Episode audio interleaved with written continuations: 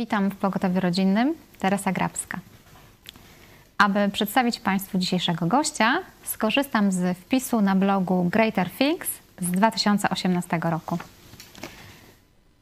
Last but not least, dr Małgorzata Kubicka, nasza gwiazda, tak jest napisane, którą znacie z programów Kontrrewolucja, trzy lata temu szukała właśnie kontaktu z kreacjonistami w Lublinie. Z mediów usłyszała o grupie zapaleńców, którym UMCS odmówił zorganizowania debaty ewolucja versus kreacjonizm. Resztę historii możecie sobie dopisać. Dzisiaj dr Małgorzata Kubicka jest z nami. Witaj Gosiu. Witam Teresko i witam widzów. Pytamy Gosię. Gosiu, ty szukałaś kontaktu z kreacjonistami.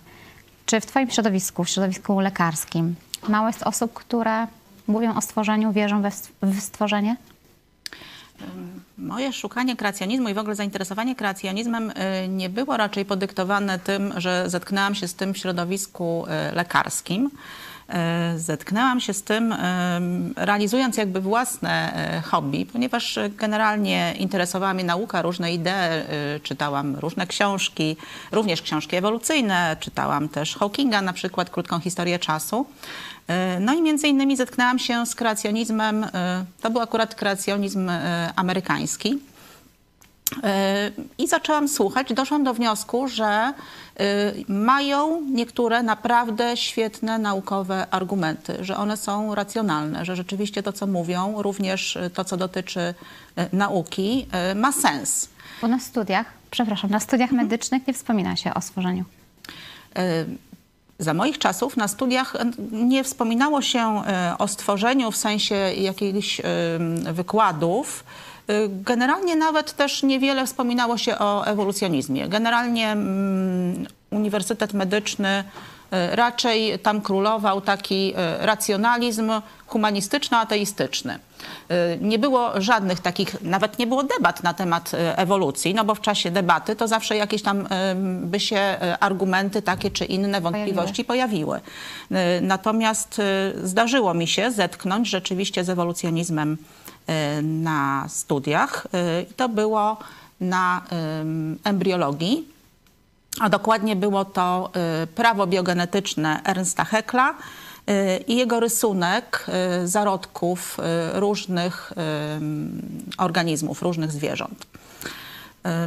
To jest dość ciekawe zresztą, bo jak mówię, to y, jeśli chodzi o medycynę, to chyba taki najbardziej zapamiętany przeze mnie kontakt z ewolucjonizmem, gdzie rzeczywiście tego żeśmy się uczyli. W ogóle to prawo biogenetyczne mówi, że zarodek ludzki w swoim rozwoju powiela jakby, przechodzi przez wszystkie stadia Y, pochodzenia ewolucyjnego, czyli jakby to prawo udowadnia, że y, idea pochodzenia od wspólnego przodka jest y, prawdziwa.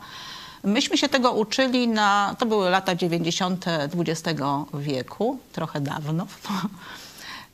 I co ciekawe, jak później znalazłam wszystkie informacje dotyczące naukowych kwestii związanych z embriologią, związanych również z tym prawem biogenetycznym, nam nikt na studiach nie mówił, że Ernst Haeckel był fałszerzem, że on sfałszował te rysunki zarodków, żeby je upodobnić bardziej do siebie i tym samym udowodnić swoje prawo biogenetyczne a y, to fałszerstwo zostało odkryte w 1875 roku i on Aha, został dawno. Y, skazany tak, przez własny uniwersytet w Wienie. Y, otóż no to lata 90. XX wieku, kiedy myśmy to mieli w podręczniku embriologii, to jest ponad 100 lat od stwierdzenia tego fałszerstwa, więc myśmy się tego uczyli jako dowodu na wspólne pochodzenie.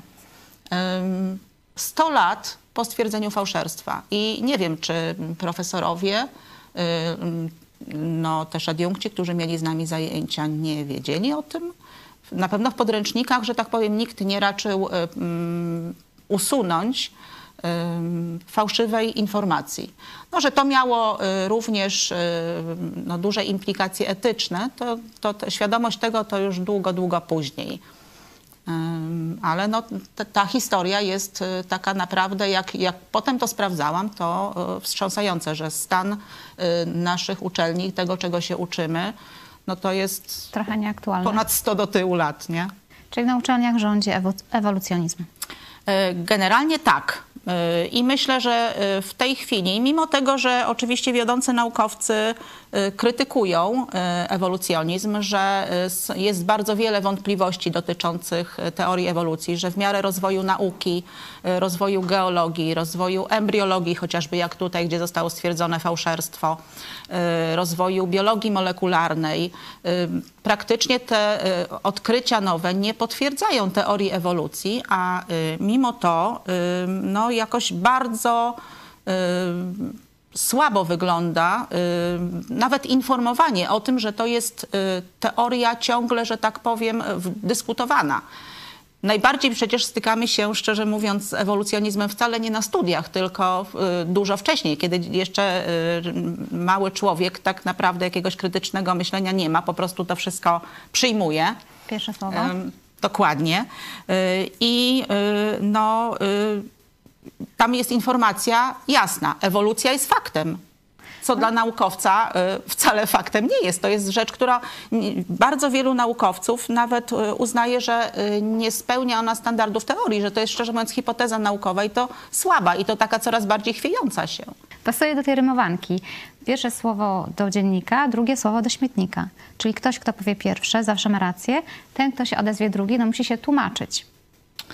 No, coś w tym jest, dlatego że y, jeśli czegoś się nauczymy, jako dziecko przyswoimy, no to jakby y, później musimy już y, sami wykazać pewną aktywność, żeby to sprawdzić, nie? A jeśli tego nie sprawdzimy, a wiadomo, że no, na wielu interesując się jakimiś działami medycyny, czy na przykład działami nauki, możemy się więcej z ewolucjonizmem nie zetknąć. I generalnie rzecz biorąc, mamy jakąś tam podstawową wiedzę na ten temat i tego już nie weryfikujemy.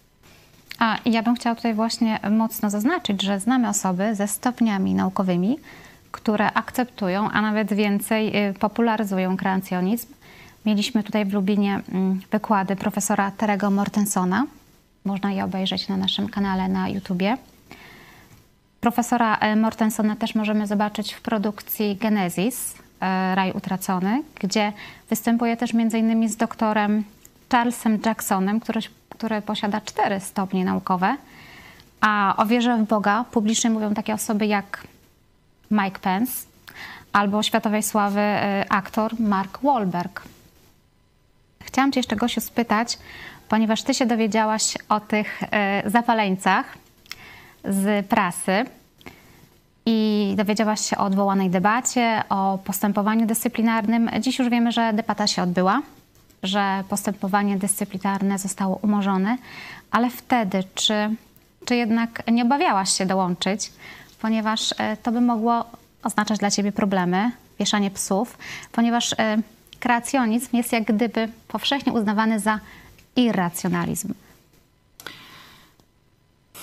To znaczy y, tak, y, nie obawiałam się wieszania psów, dlatego że wtedy już y, troszeczkę czasu spędziłam wczytując się w różne argumenty. Jeśli to był argument racjonalny, jeśli można, mogłam e, sprawdzić e, sobie czy badania, czy informacje na ten temat, to jest zupełnie inaczej. Także y, w momencie, kiedy szukałam y, jakiegoś kontaktu z polskimi kreacjonistami, to pierwsze, co y, przyszło mi do głowy, to Polskie Towarzystwo Kreacjonistyczne, ale wtedy właśnie y, obok wyskoczyła mi jakaś informacja y, o tej odwołanej y, debacie naukowej ewolucjonizm versus kreacjonizm na UMCS-ie, więc bardzo się zainteresowałam. Nawet, że tak powiem, Zdziwiona to za mało powiedziane. To było dla mnie coś oburzającego, dlatego że y, chyba dla każdego naukowca jest jasne, że y, debaty, dyskusje naukowe to jest taka no, jedna z rzeczy, które w nauce wręcz y, sprzyjają rozwojowi nauki. To jest jedna z podstawowych rzeczy. argumenty. Gdzie, jak nie na uniwersytetach, dyskutować. Oczywiście chodzi mi o dyskusje racjonalne, takie merytoryczne. I takie argumenty racjonalne, merytoryczne y, bardzo często kreacjoniści przedstawiają. Oczywiście nie mówię, że każdy program kreacjonistyczny to jest taki stricte naukowy, ale to tak samo jak i z ewolucjonistycznymi. Warto się w te argumenty wsłuchać.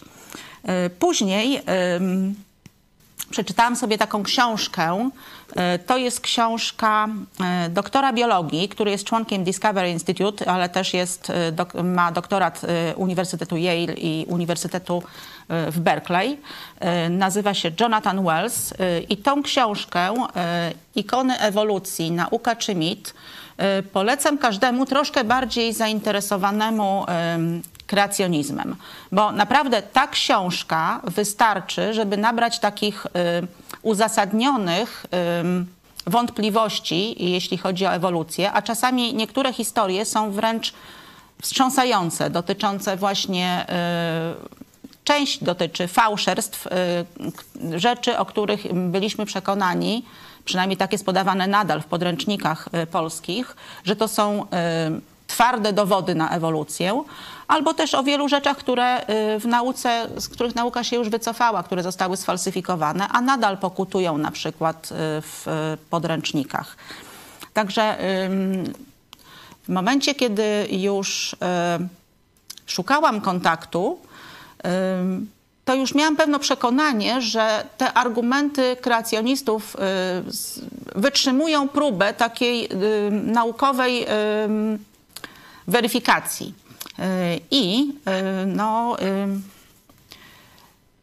to takie przekonanie moje, że y, no, debata to powinna się właśnie odbyć na uniwersytecie, że no, y, dla mnie to ewolucjoniści wręcz strzelają sobie w kolano, jeśli tej y, debaty zakazują, bo jeśli mają takie doskonałe argumenty, jeśli tych dowodów jest mnóstwo, no to właśnie powinni sami taką debatę zainicjować, wręcz zaprosić wszystkie telewizje, niech to idzie na całą Polskę, niech po prostu dadzą popalić kreacjonistów, zrównają ich z ziemią i tyle. A sam fakt, że te y, debaty są, y, no można powiedzieć, że blokuje się wręcz y, y, wypowiadanie się kreacjonistów. Przecież wspominałaś o tych y, ludziach z wieloma y, tytułami naukowymi, którzy y, mają przekonania właśnie, że świat nie powstał y, sam z się, że y, został y, zaprojektowany. I tutaj chciałabym też podkreślić, że y, zarówno ewolucjoniści, jak i kreacjoniści, naukowcy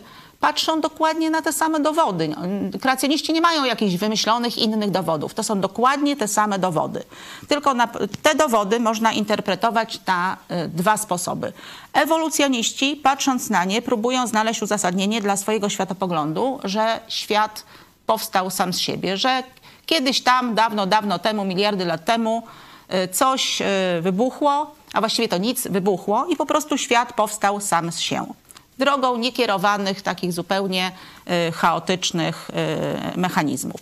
Natomiast y, kreacjoniści po prostu twierdzą, patrząc na te same dowody, próbują je wyjaśnić, używając też oczywiście swojego światopoglądu, że świat mógł zostać zaprojektowany przez wybitnie inteligentną istotę. Y, I szczerze mówiąc, blokowanie, y, te poglądy mogą się ścierać, bo wiadomo, że niezależnie od opierania się na dowodach przy dyskusji merytorycznej, te poglądy, które mają naukowcy, są poglądami pozanaukowymi. Po prostu ich światopogląd wpływa na to, jak je interpretują. I w porządku, to mi nie przeszkadza w dyskusji naukowej. Chodzi tylko o to, żeby dać, dać dojść do głosu zarówno jednej, jak i drugiej stronie, która ma lepsze argumenty. I y, słuchając, raz, rozwija się nauka, dwa, również y, studenci na przykład na uczelniach y, uczą się y, rozważania y, pewnych y, racji, uczą się logicznego myślenia. Myślę, że w ogóle w tej chwili jest problem z uczeniem się logicznego myślenia, bo niektóre rzeczy wymagają rzeczywiście czasu, potu, żeby się nad tym zastanowić, żeby to wszystko objąć, żeby to przeczytać. Y, I y, to nie jest łatwe, ale to jest też dla tych, którzy parają się nauką, przynajmniej powinno być y, no, bazą ich zajęć. I pomijając już kwestię tego, że no, byłam oburzona tym odwołaniem mówić. naukowej debaty, y, to jeszcze znalazłam taką informację, to już jest informacja z 2020 roku, raport y, Ordo Juris dotyczący ograniczania wolności akademickiej w Polsce. I najwięcej przypadków naruszeń wolności w Polsce to jest Uniwersytet Warszawski i niestety UMCS, czyli Uniwersytet w moim rodzinnym mieście. Ale uniwersytet. Wstyd mi, wstyd mi za to, bo y, generalnie nie jest y, żadną tajemnicą, że y, uczelnie polskie są uczelniami słabymi. Y, Że jesteśmy na jakichś tam 600, 700 miejscach na świecie, no to nie wiem, czy jakiś tam uniwersytet w Kenii nie jest y, lepszy niż my. No niestety. Y, I y, raz, dlatego, że y, nie robimy nauki. Y, Jesteśmy tylko nastawieni na kształcenie i to takie kształcenie właśnie pozbawione tej najlepszej rzeczy, którą można mieć w nauce, czyli właśnie y, na, no, dyskusja to jest kluczowy element nauki, który pozwala na rozwój poglądów, więc jak tego nie ma, no to y, czego się spodziewać? No. Ym, To, co mówiłeś, Gosiu, że logika. Kiedyś e, logika była na studiach na pierwszym roku zawsze. Czy to pedagogika, czy to ekonomia, była logika. Nie ma już logiki. A chciałam też Państwu dodać, że takie dyskusje odbywają się. Odbywają się w Londynie, a w Stanach e, to niemal co dwa lata odbywają się takie debaty. Więc ludzie mogą mówić głośno i przedstawiać swoje... Chcesz powiedzieć? Jeśli jeszcze mogę, e, tak, e, bo no właśnie o to chodzi, że ten kreacjonizm, z którym się zetknęłam na początku, to, no, no to są głównie naukowcy amerykańscy, kreacjonizm amerykański. I społeczeństwo amerykańskie chyba też e, w dość dużym, e, ja nie mówię, że wszyscy mają jakieś tam głębokie, głęboką wiedzę e, naukową, ale też z tego, co jeszcze niedawno było prawdą, nie wiem jak jest w tej chwili, to około 50% społeczeństwa amerykańskiego było za teorią inteligentnego projektu czy kreacjonizmem. Generalnie wierzyli, że to jednak y, inteligentna istota stworzyła ten świat, a nie, że powstał y, sam y, z siebie.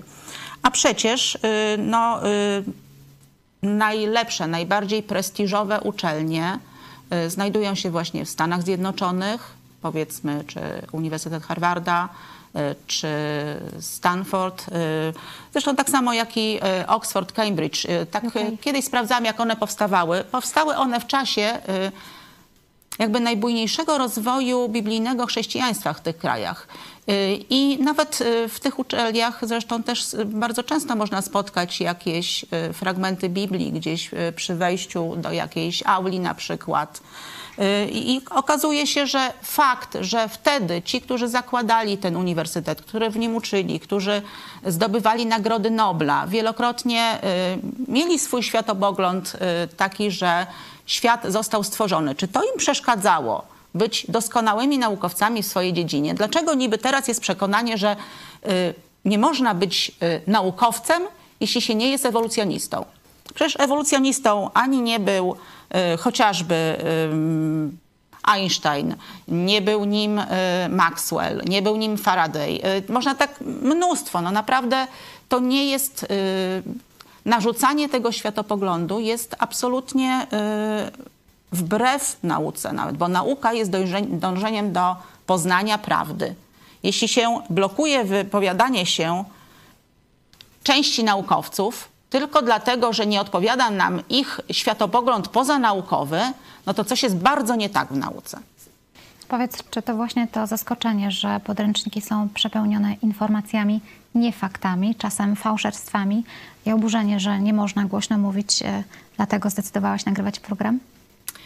Em, tak, to na pewno y, tak, bo to, to było dla mnie ym, no, coś takiego. Ilość tych y, fałszerstw jest po prostu duża. Ilość nieprawdziwych informacji jest duża. To takie przesiąknięcie, y, ideologizacja wręcz y, podręczników. Y, Takie twierdzenie, że ewolucja jest faktem, wbrew temu, co tak naprawdę dzieje się w nauce, gdzie naukowcy ścierają się to, i to te starcia są, szczerze mówiąc, coraz większe. Ym, Pokazywaliśmy też chyba, jak, jakiś był jeden program, na przykład y, z jednym z takich najbardziej w tej chwili wpływowych chemików, chyba jeden z dziesięciu takich najbardziej wpływowych naukowców świata w tej chwili, y, z Jamesem Turem, który mówił, że w XXI wieku wiodący, najlepsi chemicy nie mają zielonego pojęcia, jak mogło powstać życie z materii nieożywionej. Nie ma dowodu, nie ma żadnego uzasadnienia, które można nazwać uzasadnieniem naukowym, że y, z materii nieożywionej może powstać życie. Nauka w ogóle no, miliony razy w ciągu dnia każdy może się, że tak powiem, y, stykać z obserwacją, że życie powstaje z już istniejącego życia. To jest prawo nauki. Nikt tego nie obalił, nikt nie stwierdził nic innego.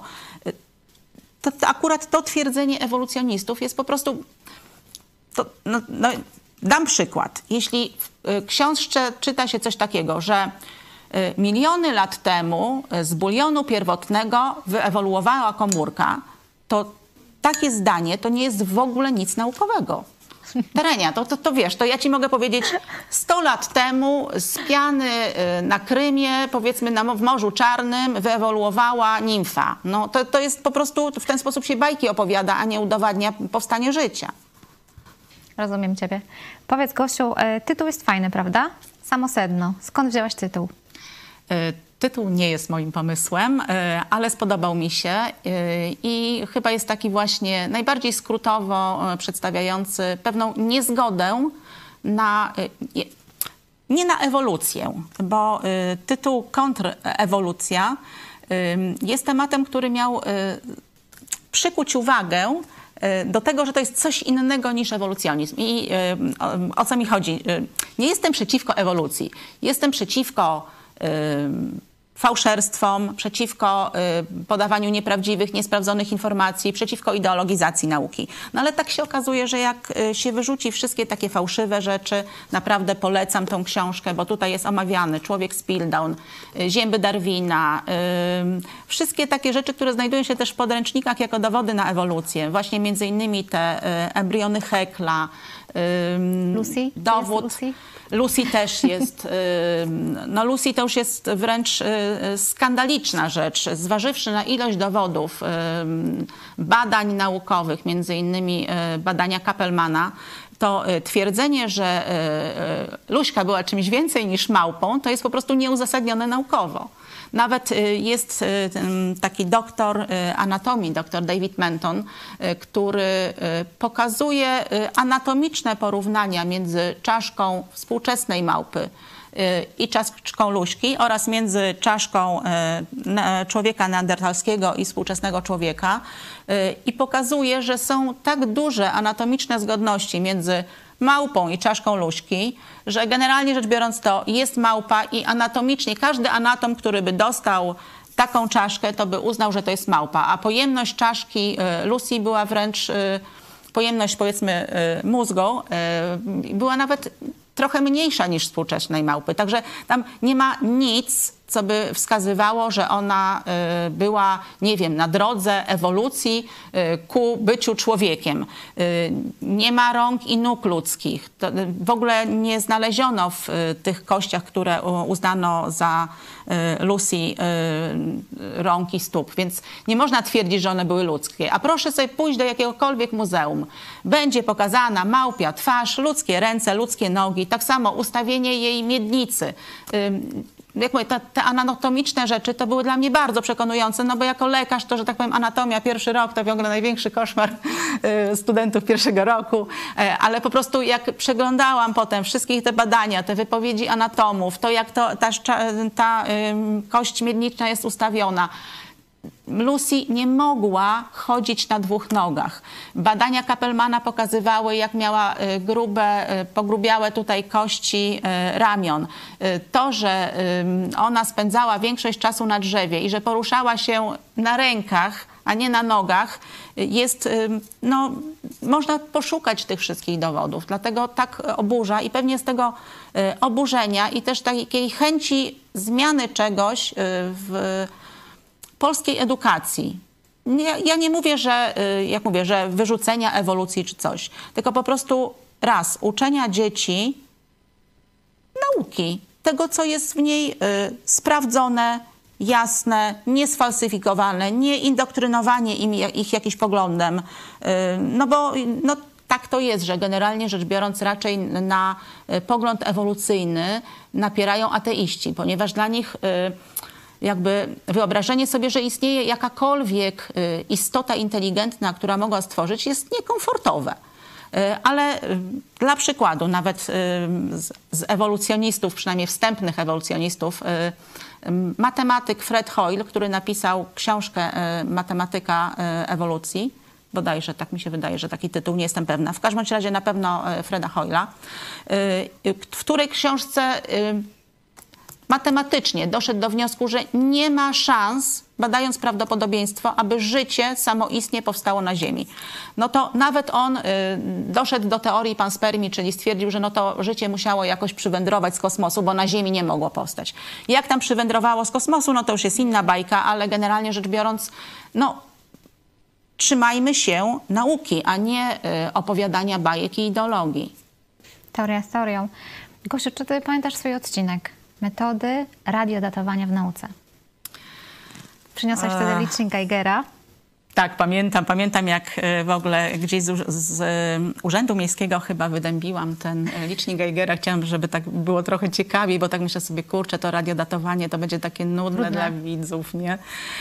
I pamiętam też dlatego, że to był pierwszy program, więc po prostu myślałam, że tremam jest je.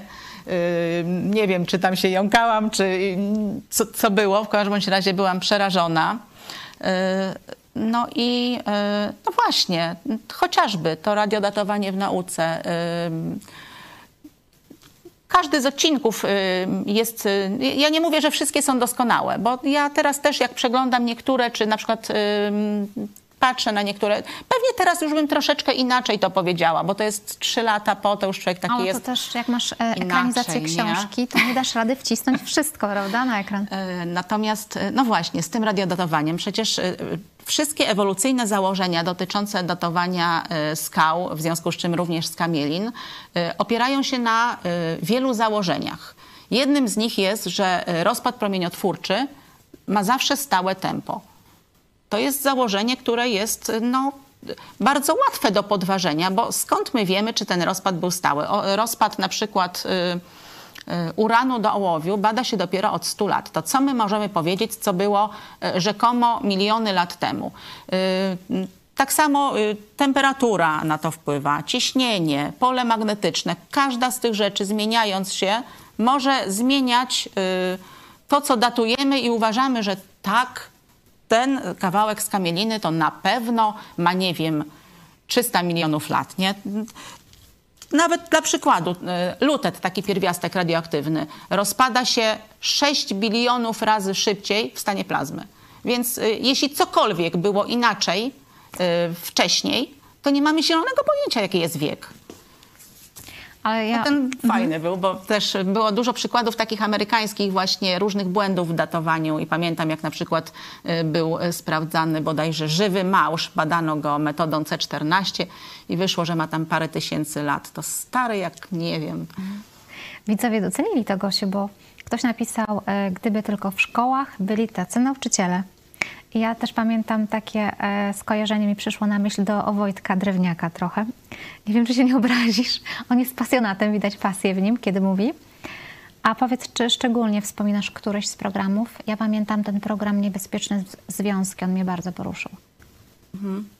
E, tak, to był taki związek, w którym chciałam pokazać pewne implikacje wynikające z przyjęcia e, teorii ewolucjonizmu, przyjęcia tego takiego pochodzenia od e, jakiegoś prymitywniejszego przodka, że tak naprawdę e, my nie jesteśmy niczym innym niż jakimś tam zlepkiem komórek, który po prostu gdzieś tam jest w drodze ewolucji, nie różni się niczym od małpy, od czegokolwiek.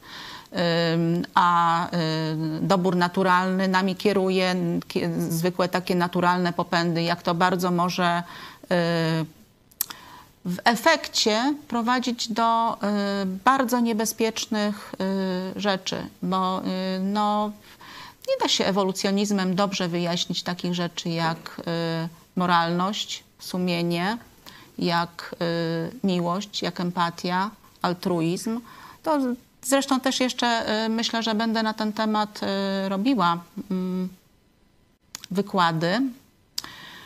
Y, Tak jeszcze przyszła mi do głowy taka pierwsza, y, pierwsza myśl, y, bo wtedy, kiedy mm, tak interesowałam się, jeszcze siedziałam tylko w książkach i nie znalazłam namiarów tutaj na dziewczyny, które chciały w UMCS-ie, na UMCS-ie zrobić tą debatę, to też myślałam o swoim synu, bo on wtedy był w szkole podstawowej i tak sobie myślę, Czego jest uczony? nie chcę, żeby mój syn był uczony takich bzdur. Chciałabym, żeby, bo też się interesował nauką, ym, chciałabym, żeby się uczył rzeczy zgodnych z prawdą, żeby był zainteresowany dążeniem do prawdy. Yy, I oczywiście, że można dyskutować na, te, na różne tematy, ale zamykanie ust jednej ze stron i uznawanie swoich filozofii za e, część faktów naukowych tak mnie oburzało, że mm, mimo, że no, ja nie nie lubię generalnie, znaczy może, może już teraz y, się trochę przyzwyczaiłam, ale generalnie pierwsze te y, wykłady to było dla mnie naprawdę duży stres. Ja y, czułam się dziwnie mówiąc do kamery, bo jak, inaczej jak się rozmawia, nie? A do kamery to się czułam trochę tak jak y, kiedyś jak się dzwoniło i na przykład odpowiadała y, automatyczna sekretarka, nie? Po prostu mówię do jakiegoś sprzętu, nie jest dobrze, nie?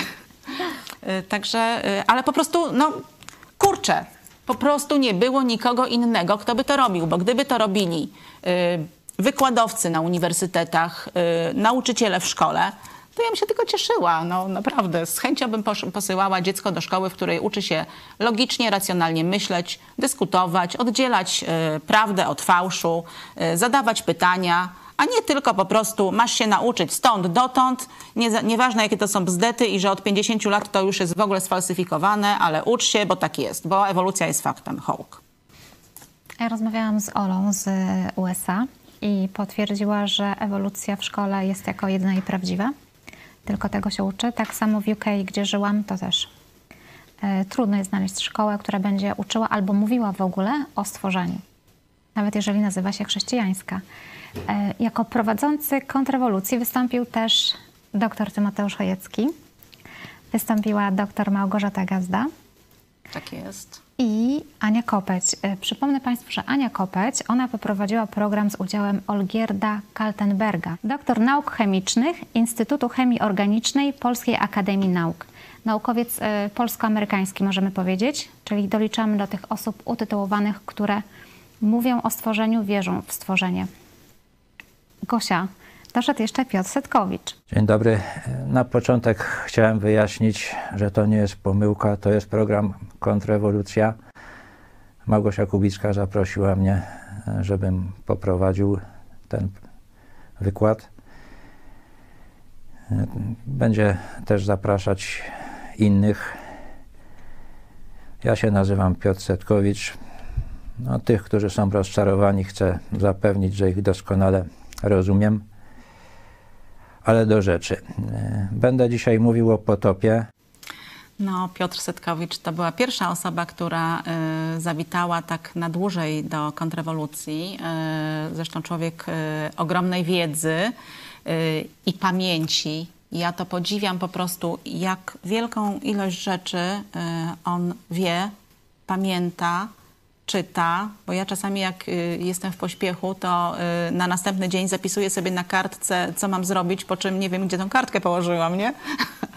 A jego pamięć jest po prostu y, fenomenalna i też no, świetne odcinki. Pamiętam matematyka w przyrodzie, pamiętam Tak. Jasną liście, prawda? Jasną liście. tak, te dotyczące potopu, dotyczące okresu epoki lodowcowej. Y, Świetne y, o skablandach bodajże i o w ogóle o, ociepleniu. y, Świetne. A jeszcze pytałaś o takie, które mm, pamiętam Wspominasz ze swoich wykładów.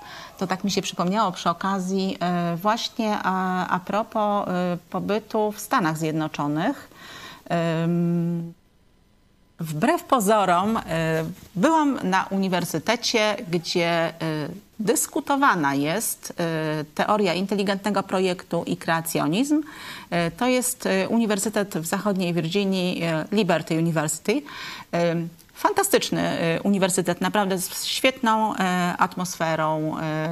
Klub, e, przepraszam, klub aeronautyki nawet mają, także bardzo miło wspominam tam pobyt. Świetni ludzie, świetni wykładowcy. W ogóle nie ma takiego jak to u nas, takiego feudalnego dystansu między do, y, profesorem Kadrą. a y, tak, studentami. Tam generalnie naprawdę jest rozmowa, jest dyskusja, jest taki interakcja. To są bardziej przyjacielskie stosunki, bardziej też no, to nie jest tak, że jest jakoś aula 100 osób, bo ja mam wrażenie, że nasze uczelnie są nastawione tylko na łapanie jak najwięcej e, studentów, nieważne e, poziom i tak dalej, bo naprawdę czasami to e, nie jest dobry poziom tych naszych uczelni. Nie uprawia się nauki i generalnie, no, mówiąc krytycznie, to uważam, że nasz system edukacji to jest szyty jeszcze na ludzi sprzed pewnych przemian, którzy już dawno powinni opuścić system. Bo nie spodziewam się po nich y, jakiejś ani odwagi, ani chęci y, zrobienia czegoś w nauce, ani szukania prawdy. Myślę, że to jest bardziej na zasadzie y, trzymania stołka. Czy myślisz, że e, coś wykorzystasz z inspiracji amerykańskich? Oczywiście, ja właśnie ja cały czas wchodzę w dygresję i nie mogę dojść do meritum. E, A propos tych inspiracji amerykańskich, e, pobytu na tej uczelni, e, ale również odwiedzenia między innymi Muzeum Arki w Kentucky, powstał taki cykl wykładów dotyczących potopu. I ten cykl też się bardzo podobał chyba ten świat przed potopem to jest jeden z takich, który jak sobie gdzieś kiedyś, chyba z pół roku temu zerknęłam, y, to tam było blisko 50 tysięcy wyświetleń. Także y, naprawdę taki, no jak na zainteresowanie. y, zainteresowanie tematem kreacjonizmu na razie, bo uważam, że on na pewno będzie coraz większy, to, to był to taki wysoki.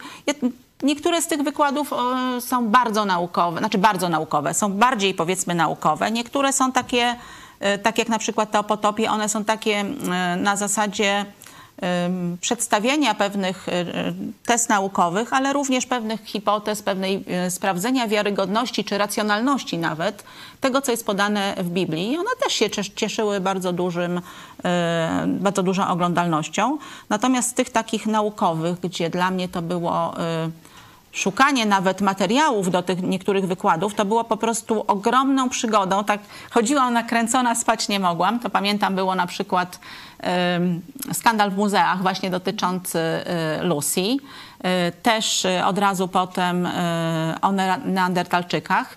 Y, I bardzo ciekawe y, badania genetyczne to było y, małpoludy, a genetyka. To, y, to były takie badania, których wcześniej nie odkryłam.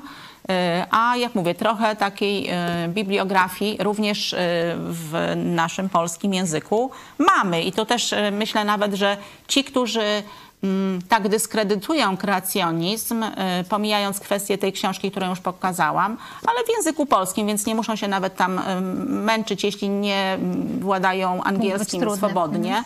Y, Jest jeszcze doktor Małgorzaty Gazdy, Spór o podpis w komórce. Bardzo polecam.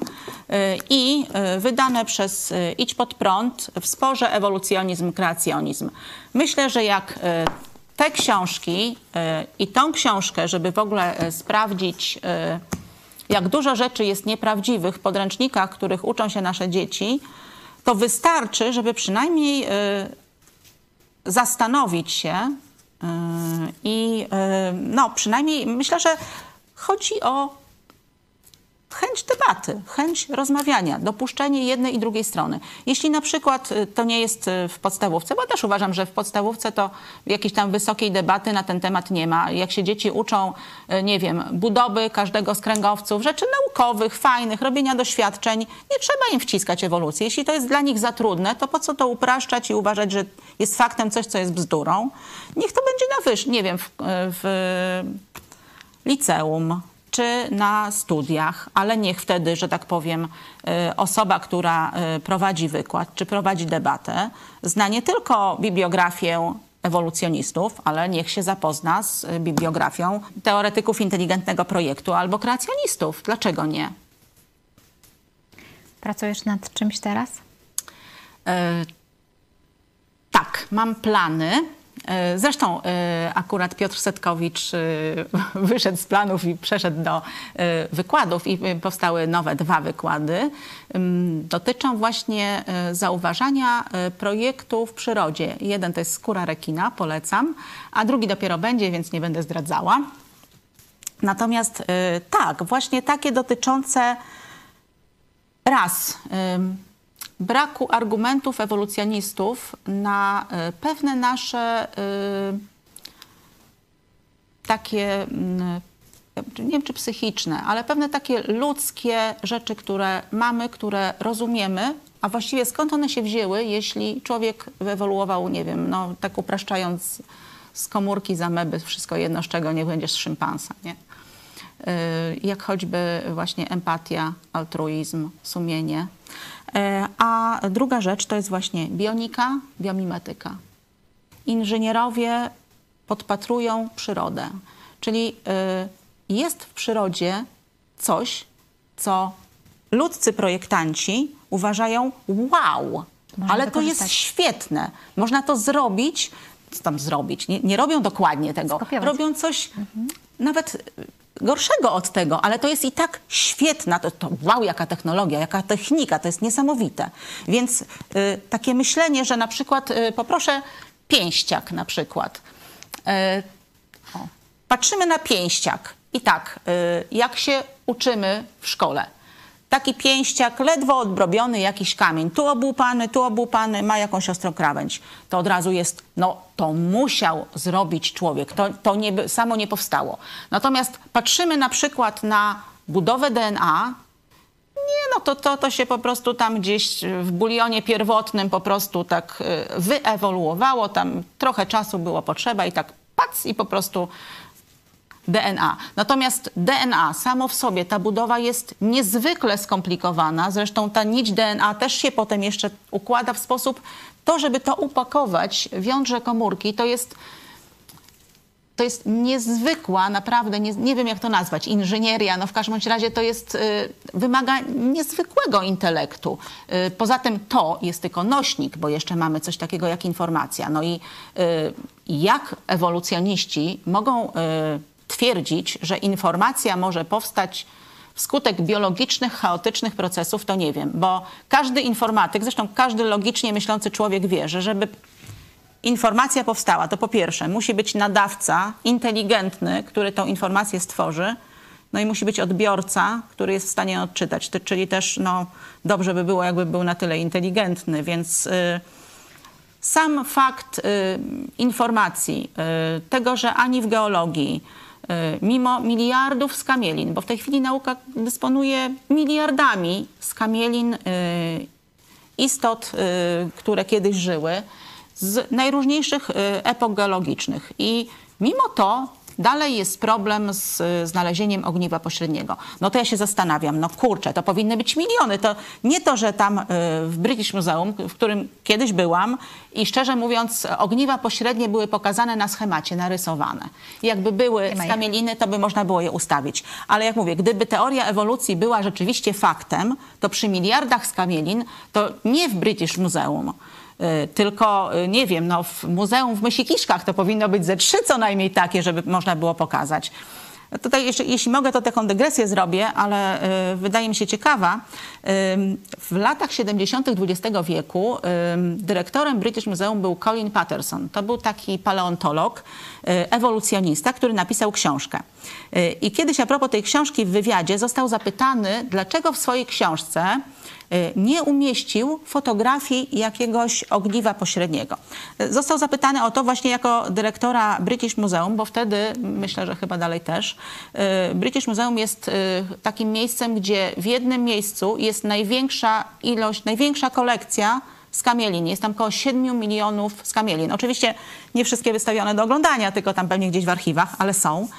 No i co odpowiedział Colin Patterson? Powiedział coś takiego.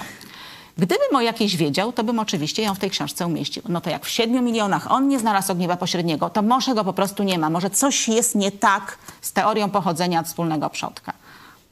Czego zastanowienia się nad tym przynajmniej ewolucjonistom, darwinistom, naturalistom życzę. Też właśnie ja mam skojarzenie takie ze, słowo, ze słowem mutacje. Generalnie mutacja to jest coś złego, niepożądanego, coś, co straszy, ale w ewolucji mutacje to jest dobre. Patrzcie, oto człowiek, mutacja, mutacja, oto piękny człowiek, prawda? No właśnie, to jest jeden z mechanizmów, e, z mechanizmów którymi e, starano się um, jakby udowodnić, że jeden organizm może zmienić się w drugi organizm. Ale po pierwsze, nikt nigdy, nigdzie nie zauważył, żeby organizm przeszedł powyżej swojej, czy poniżej, powyżej, y, poza swoją grupę systematyczną. Tego po prostu nikt nigdy, nigdzie nie zaobserwował. Y, oczywiście, jak y, mówię, to nie znaczy, że organizmy są wszystkie jednakowe. Nie? Oczywiście kreacjoniści tak samo uznają, że istnieją pewne zmiany w obrębie rodzaju, w obrębie gatunku, że y, są mechanizmy adaptacyjne i organizmy mogą być mniejsze, większe, i, i, większe mieć dzioby, mniejsze dzioby, jak chociażby w ziemiach Darwina, ale to nie udowadnia y, idei pochodzenia od wspólnego przodka. Nie ma czegoś takiego jak makroewolucja. I, i y, mutacje, no ja dawałam, dawałam, też taki przykład, że gdyby rzeczywiście mutacje były czymś takim fantastycznym, to po pierwsze, y, na przykład y, w medycynie istniałby wtedy dział, który by się tym zajmował, że na przykład y, coraz to coś ciekawszego powstaje i można tym na przykład, nie wiem, innych wspomagać, nie? A oczywiście mamy działy medycyny, które zajmują się mutacjami. I to są bardzo smutne, że tak powiem, działy, zajmujące się ogromnymi patologiami, ogromnymi y, zniekształceniami, czyli generalnie jest to złe. Tak samo, y, nie wiem, wybuch w Czarnobylu na przykład. Tak. Wszyscy wiedzą, jak, jaka to była tragedia, jak y, wpłynęło to na istnienie, y, różne istnienia y, na tym terenie, że to jest te, teren wykluczony chyba nadal i pokazywano w różnych filmach, w różnych programach dzieci, które się rodziły zniekształcone. Przecież gdyby rzeczywiście mutacje były tak fantastyczną rzeczą, to ludzie powinni mówić hurra, w Czarnobylu radioaktywność, promieniowanie, ale będą teraz fantastyczni ludzie. Po prostu zdobędą nowe cechy. No, będą zdrowsi, piękniejsi, nie wiem co tam jeszcze, inteligentniejsi. Nic takiego nie ma. A nawet na odwrót. Kosiu, a propos debat. Chciałam Ci zadać takie e, podchwytliwe pytanie. Czy zgodziłabyś no. się na debatę z profesorem Rychwałdem? Na debatę Jest to twoja z profesorem opozycja. Rychwałdem. Tak, ogromnie lubię profesora Rychwałda. Pozdrawiam. E, czy bym się zgodziła z nim na debatę? No on to raczej strasznie nie lubi kontrrewolucji, strasznie nas tutaj obśmiewa, stosuje argumenty takie, y, stosuje argumenty takie jak ewolucjoniści, czyli tak jak też y, niektórzy widzowie, na szczęście bardzo rzadko pod programami, czyli tak, zwane, tak zwane argumenty ad personam albo ad hominem, albo twierdzi na przykład, że no skoro wszyscy naukowcy twierdzą, że ewolucja jest faktem, no to po prostu tak jest i już. No cóż, znaczy nie profesorowi Rygwałtowi może to powiem, ale wszystkim ewolucjonistom, czy wszystkim ludziom, którzy tak uważają, że jeśli, jeśli naukowcy twierdzą, że coś jest y, prawdą, to po prostu jest. Po prostu nie czytaliście historii nauki i tyle. Y, prawda y, niekoniecznie jest tym, co twierdzą naukowcy na danym y, etapie, w czasie czy coś tego typu. Natomiast y, generalnie, no, jeśli profesor Rychwałd przy, przygotuje się, to ja po prostu przekopię wszystkie książki. Jeśli tylko zechce, to będziemy się ścierać, dlaczego nie? Dziękuję Ci, Gosiu, za tą rozmowę dzisiaj. A tak przy, przy okazji jeszcze y, również bardzo Ci dziękuję, Teresko. Y, tak mi się przypomniało a propos różnych y, śmiesznych rzeczy, ale nie tylko. Że no właśnie, pytałaś mnie, czy są lekarze, którzy mm, mają poglądy kreacjonistyczne. No są. Może zachowam, y, nie będę mówiła imion i nazwisk, y, bo nie wiem, czy by chcieli, może się pojawią na y, którychś programach Właśnie. kreacjonistycznych, ale no właśnie o to chodzi, żeby takich ludzi przybywało. Natomiast jeśli chodzi o ewolucjonistów, ależ z przyjemnością na przykład możemy porozmawiać tutaj, możemy zrobić debatę na uczelni. Mamy też możliwość zaproszenia powiedzmy naukowców z zagranicy. Tylko jakoś, żeby jakaś uczelnia wystartowała do nas tutaj z taką prośbą i nie ma sprawy. To Możemy. takie wyzwanie może być. Możemy. Dziękuję Ci, Gosiu, jeszcze raz. Dziękuję Państwu za spotkanie. Jeszcze chciałam Państwu powiedzieć, że znalazłam taki, takie zdanie pana Jerzego Bralczyka. Komunikat dobrze pełni swoją funkcję, jeśli skutecznie do czegoś namawia. Ja dzisiaj namawiałam. Namawiałam Państwa właśnie do oglądania kontrrewolucji, ponieważ no niestety fakty, informacje w podręcznikach podawane nam jako fakty, niektóre koło faktów nie stały i warto sprawdzić. Sprawdzić, jaka jest prawda. Zachęcam. Dziękuję za spotkanie. Do widzenia. Jak powiedział wybitny uczony naszych czasów Richard Dawkins, jeśli ktoś nie wierzy w ewolucję, to jest to ignorant, głupiec albo szaleniec. Zapamiętajcie, że nauka z definicji wyklucza odnoszenie się do Boga jako stwórcy. Zaraz, zaraz. Słyszałeś? Uwierzyłeś w to? Nauka z definicji wyklucza odnoszenie się do Boga jako stwórcy? Heh. Ciekawe, co powiedzieliby na to ci wszyscy wielcy naukowcy, którzy właśnie mówili o Bogu jako o stwórcy. Newton, Maxwell, Pasteur byli bez wątpienia naukowcami i to wybitnymi. Isaac Newton był angielskim fizykiem, matematykiem i astronomem.